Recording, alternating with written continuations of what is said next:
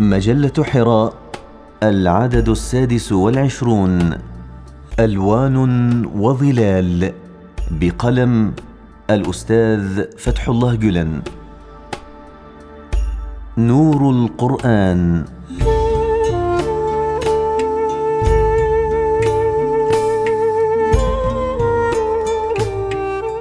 إذا أومض القرآن وشعاع روحه ملأ الآفاق إخضر الوجود وطرب الكون وتنقى العالم من أوزاره وبالإشراق والصفاء تسربلت الخليقة وبهما العالم ارتدى